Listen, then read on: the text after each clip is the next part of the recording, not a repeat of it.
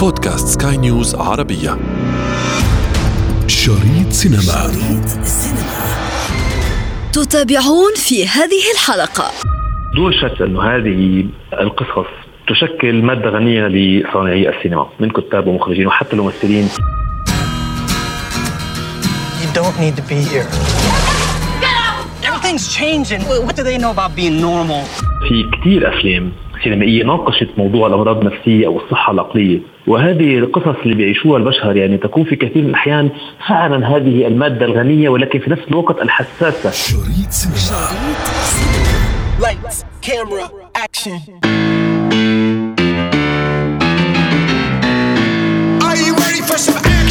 السينما ليست كغيرها من الفنون الإنسانية. لابد لنا أن نعترف بقدرتها على الجمع بين الحوارات العميقة والمشاهد البصرية في معالجة الأفكار والقضايا المجتمعية والغوص في أعماق النفس البشرية.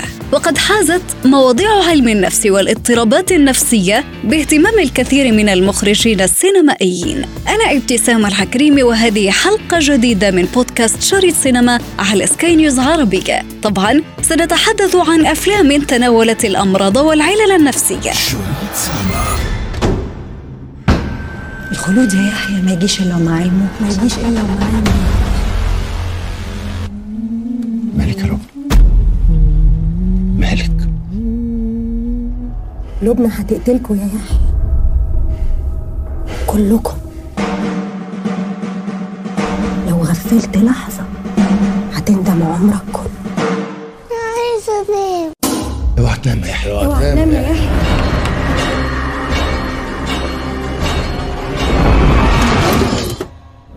فريده بتقول كلام بيحصل أنا عندي ليك عرض سخي البداية من السينما العربية التي أخذت منح الإتقان في صناعة الأفلام التي تعنى بقضايا تشتمل على المشاكل النفسية التي أصابت شخصيات كتبت عنهم قصص. سبق وشاهدنا فيلم الفيل الأزرق بجزئيه الأول والثاني ورأينا طريقة إخراج العمل. من بيروت الناقد السينمائي إلياس دمر حضرت هذا الفيلم وفعلا يعني أعتبره من أحد أروع يعني أفلام الاضطرابات النفسية وحتى كمان كان في له جزء ثامن قلت يمكن الأفلام العربية التي تناولت هذه يعني البعد الدرامي النفسي وهذا الغموض النفسي. بغض النظر إذا كانت يعني تتمحور حول يمكن حبه الفيل الأزرق أو تتمحور حول مرض نفسي بحد ذاته. فعلا يعني فاجأنا هذا الفيلم. كونه تطرق بطريقة درامية مركبة جد ذكية. ورأينا ضمن قالب الدرامي الواحد يعني يمكن بيقولوا قصص متداخلة ضمن بعضها ومترابطة بشكل فعلا مقنع وذكي. وتركنا إلى آخر هذا الفيلم مثل بقول متربصين ومتمسكين بكراسينا يعني مت- متمنين أن نعرف إلى أين سوف نصل اذا كنا سوف نصل فبقول إلى بر الأمان في قصة الفيل الازرق من دون أن نحرق أي تفاصيل فعلا يعني لأنه حلو انه المشاهد أو المستمع اللي عم يسمعنا هلأ يحضر هذا النوع من الأفلام العربية اللي فعلا كانت على مستوى جيد من ناحية يمكن التطرق إلى الأمراض النفسية والأمراض العقلية شريط My friend is preparing to kill himself. This man's death would have momentous consequences for all of the world. Who is this friend? The philosopher Friedrich Nietzsche. I cannot cure despair. Ah. فيلم آخر مأخوذ عن رواية شهيرة تحمل العنوان نفسه للأخصائي النفسي إيرفين يالوم يتحدث عن الحقبة التي سبقت كتابة الفيلسوف الألماني فريدريك نيتشه لكتابه الشهير هكذا تكلم زراتشت حين كان مجرد أستاذ جامعي مغمور لا يحضر محاضرته سوى قلة قليلة تشعر بالضيق مما يطرحه من نظريات. يقع في حب فتاة تعجب بأفكاره السابقة لعصره قبل أن ترفض الارتباط به ويصاب بحالة اكتئاب تدفعه للانتحار. لكنه ليس بالوحيد الذي تطرق للأبعاد الإنسانية التي تعبر عنها الشخصية. في كثير أفلام سينمائيه ناقشت موضوع الأمراض النفسية أو الصحه العقلية وهذه القصص اللي بيعيشوها البشر يعني تكون في كثير من الأحيان فعلا هذه المادة الغنية ولكن في نفس الوقت الحساسة. يعني فعلا السيف ذو الحدين لصناع السينما حول العالم لأنه ممكن أن تكون فعلا أداة جذب مهمه للمشاهدين. بالإضافة إلى كونها يعني تبعت هذه الرسالة التي تقع على عاتق يمكن الفن والسينما بتسليط الضوء على هذه الجوانب الإنسانية والأمور النفسية زيادة الوعي للمجتمع حول الصحة النفسية ولكن أيضا يجب أن لا تقع في الابتذال والإفراط في المبالغه بغيه تحويل الفيلم إلى فيلم رعب أو تشويق رعب يقع في المبالغة الكبيرة ولا نعود حتى نصدق لا المرض النفسي ولا الأمور التي تدور من حوله. ولعل يمكن أبرز هذه الأفلام يعني أفلام مثل Good as It Gets The Hours Jacob's Ladder حتى One Flew Over the Cuckoo's Nest فيلم ديكابريو الشهير Shutter Island American Psycho يعني تعددت فعلا الأفلام ولكل منها زاوية مختلفة للتطرق إلى مرض نفسي معين. وحتى ممكن بعض الأحيان أن لا يكون يمكن التطرق لهذا الأمر يعني بناحية يمكن فقط درامية. يعني رأينا حتى بعض الأفلام اللي يعني تتطرق إليها بطريقة كوميدي بطريقة عاطفية لأنه يعني ممكن أن يكون صاحب هذا المرض يمكن محطم أو عبقريه أو عاطفيه للغايه ولذلك ممكن أن نذهب إلى أبعاد إنسانية أو كوميدية أو درامية وبعض الأبعاد يمكن اللي فيها الغموض والإثارة مثل شاتر ايلاند لذلك مهم جدا أن نرى هذا البعد السينمائي وهذا البعد الكتابي لا يكون دائما أن يساوي الجنون يعني المرض النفسي لا يساوي دائما الجنون هو عالم كبير بحر ليس له آخر أو نهاية وللسينما كان أيضا نصيب كبير في تناول هذه الأمراض وهذه المشاكل النفسية شريط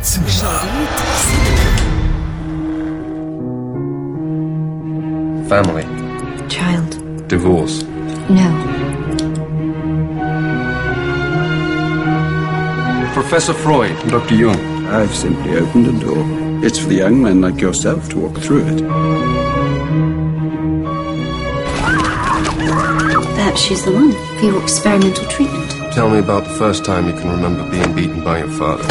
دينجروس ميثود فيلم يتناول السيرة الذاتية لعالمي النفس الشهيرين سيغموند فرويد كارل يونغ وسابينا سبيلرين التي تحولت من مريضة نفسية إلى واحدة من أوائل النساء المتخصصات في علم النفس التحليلي. تدور أحداثه حول العلاقة المضطربة بين فرويد ويونغ حيث يحاول الأخير وهو تلميذ فرويد تخطي منهج فرويد التحليلي وابتكار منهج خاص به من خلال علاقة غير مشروعة مع مريضته سابينا سبيلرين. فيلم فتح مساحة واسعة للنقاد وأبرز الخيط الفاصل بين الإبداع والإغراق في المبالغة.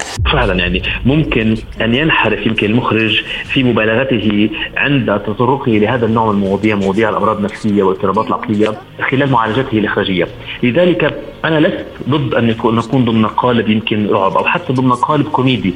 ولن نكون نحن نقع في الاستخفاف أو الاستهزاء من مرض نفسي أو عقلي معين. طالما نحن يعني لا نسيء إلى صورة المريض ما يدور حوله من أحداث أو من قالب درامي أو كوميدي أو حتى قالب تشويقي رعب يجب الا فعلا يعني يصل المبالغة بحيث لا نعود نصدق هذه الحالة أو نرى يعني هناك فعلا مثل ما مثل ما سميت يعني يصبح يمكن المرض جنون أو يصبح يعني مشكلة نفسية معينة تصبح انحراف.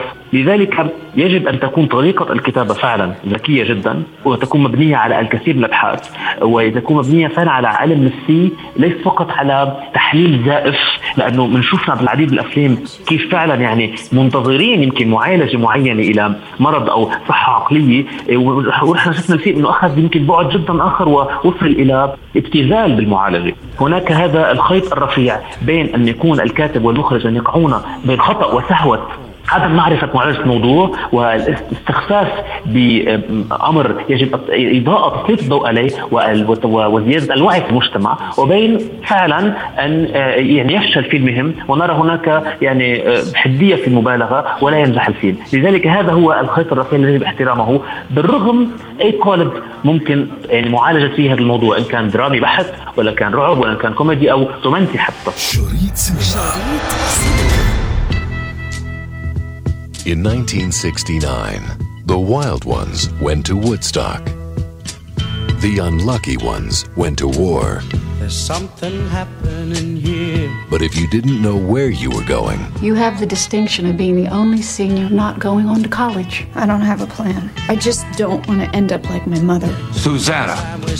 They sent you to Claymore. The best place in the world for someone like you is less than a half an hour from here. فيلم أمريكي آخر بعنوان Interrupted Girl. فيلم مستوحى من قصة حقيقية للكاتبة الأمريكية سوزانا كيسن. عاشت عاما ونصف العام في إحدى المصحات النفسية بعد محاولتها الانتحار حيث عمدت خلال وجودها في المصحة إلى تسجيل مذكراتها الشخصية ورحلة تعافيها من المرض.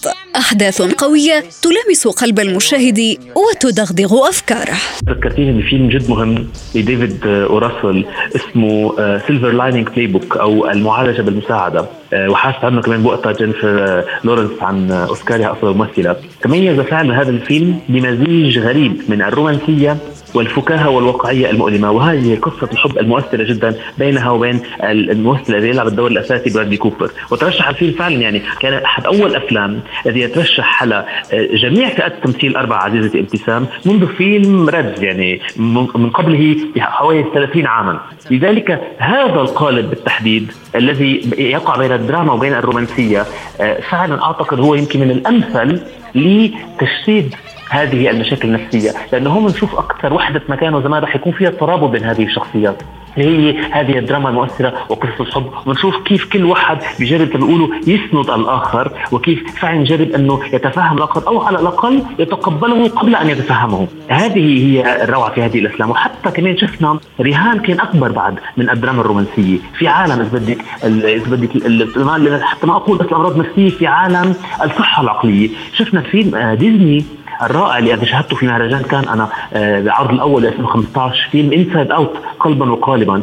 يعني هذا الفيلم ليس فقط تطرق إذا فينا نقول إلى الأمور النفسية ولكن حتى كمان كان معمول بطريقة جدا بتناسب حتى الأطفال. يعني قللوا السوداوية فيه ابتكروه بطريقة فيها جد براعه وروعة لدرجة أنه الألوان المستعمله بهذه الفيلم يعني جعلتنا ننتقل من العالم النفسي المعقد إلى بر زي فينا نقول بر أمان وسلام ضمن كل التخبطات ممكن أنه يعيشها ان كان ولد أو إن كان شخص ناضج. يعني رأينا الحزن ورأينا الألم يمكن جزئين أساسيين من حياة الشخصية الأساسية في هذا الفيلم فيلم Inside Out ديزني ولكن تمت معالجته بطريقة فيها الخفة فيها البهجة. جدا هي متخصصة كانت وكانت ملائمة للصغار قبل الكبار. لذلك فينا أعتبر أنا أقول أنه هذا النوع من الأفلام عند اصدارها لا تصبح فقط مادة سينمائية ناجحة ولكن أيضا تصبح أداة قوية للمعالجين النفسيين لحتى يعرفوا كيف يتعاملوا مع مرضاهم بشتى الأعمار. لأنه هذا الفيلم ذهب فعلا بكتابته وإخراجه إلى أعماق نفسية جد رائعة ممكن أن تلامس الجميع من الصغار إلى الكبار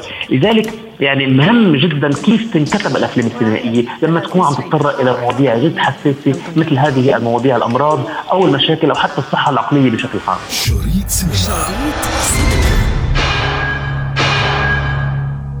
You spook easily, Starling? Not yet, sir. He's past the others. The last cell. I'll be watching. You'll do fine. والمربك هنا في هذا الأمر أن أغلب المنصات الكبرى في صناعة السينما تعج بمثل هذه الأفلام وهنا يطرح السؤال هل السبب يعود لتعطش الجمهور لمثل هذه الأفلام أم أنها فيصل يضيء على زوايا إنسانية في النفس البشرية دون شك انه هذه القصص تشكل مادة غنية لصانعي السينما من كتاب ومخرجين وحتى الممثلين يحبوا يحملوا على على بعضكم هذه المواضيع لأنه نعرف يعني عزيزتي أنه أكثرية الأشخاص اللي يحبوا أدوار عندها مشاكل نفسية أو مضطربة عقلية وصلوا حتى أنه يا يترشحوا أو أغلب الحين حتى يفوزوا على جوائز أوسكار.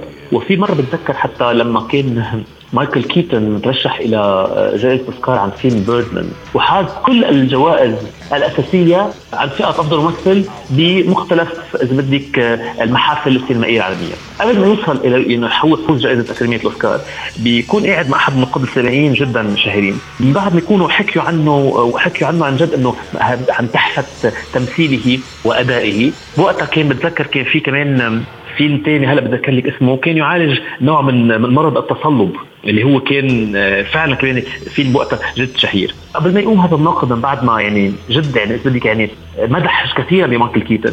هو عم يغادر الطاولة قال له بتعرف بس يا مايكل المرض يفوز دائما في النهاية. مما يعني أنه فعلا يعني هذه الأدوار لأنه تتطلب كمان الكثير من الجرأة والكثير من التضحية والكثير من التعب النفسي والجهود النفسي لذلك بنلاقي أنه الممثلين حتى بينجذبوا لها ليس فقط صانعي هذه الأفلام. شريط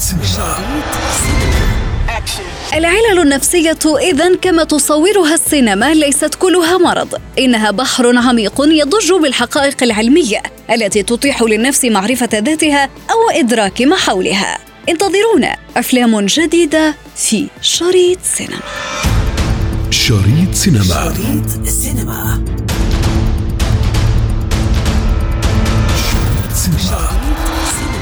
في ختام حلقتنا من شريط سينما ضمن منصة بودكاست سكاي نيوز عربية نذكركم بمتابعتنا والاستماع لنا عبر تحميل منصاتنا المختلفة من البودكاست التي تجدونها على أبل ستور وجوجل بلاي كنت معكم في التقديم أنا ابتسام العكريمي ومن إخراج نويل بولوس.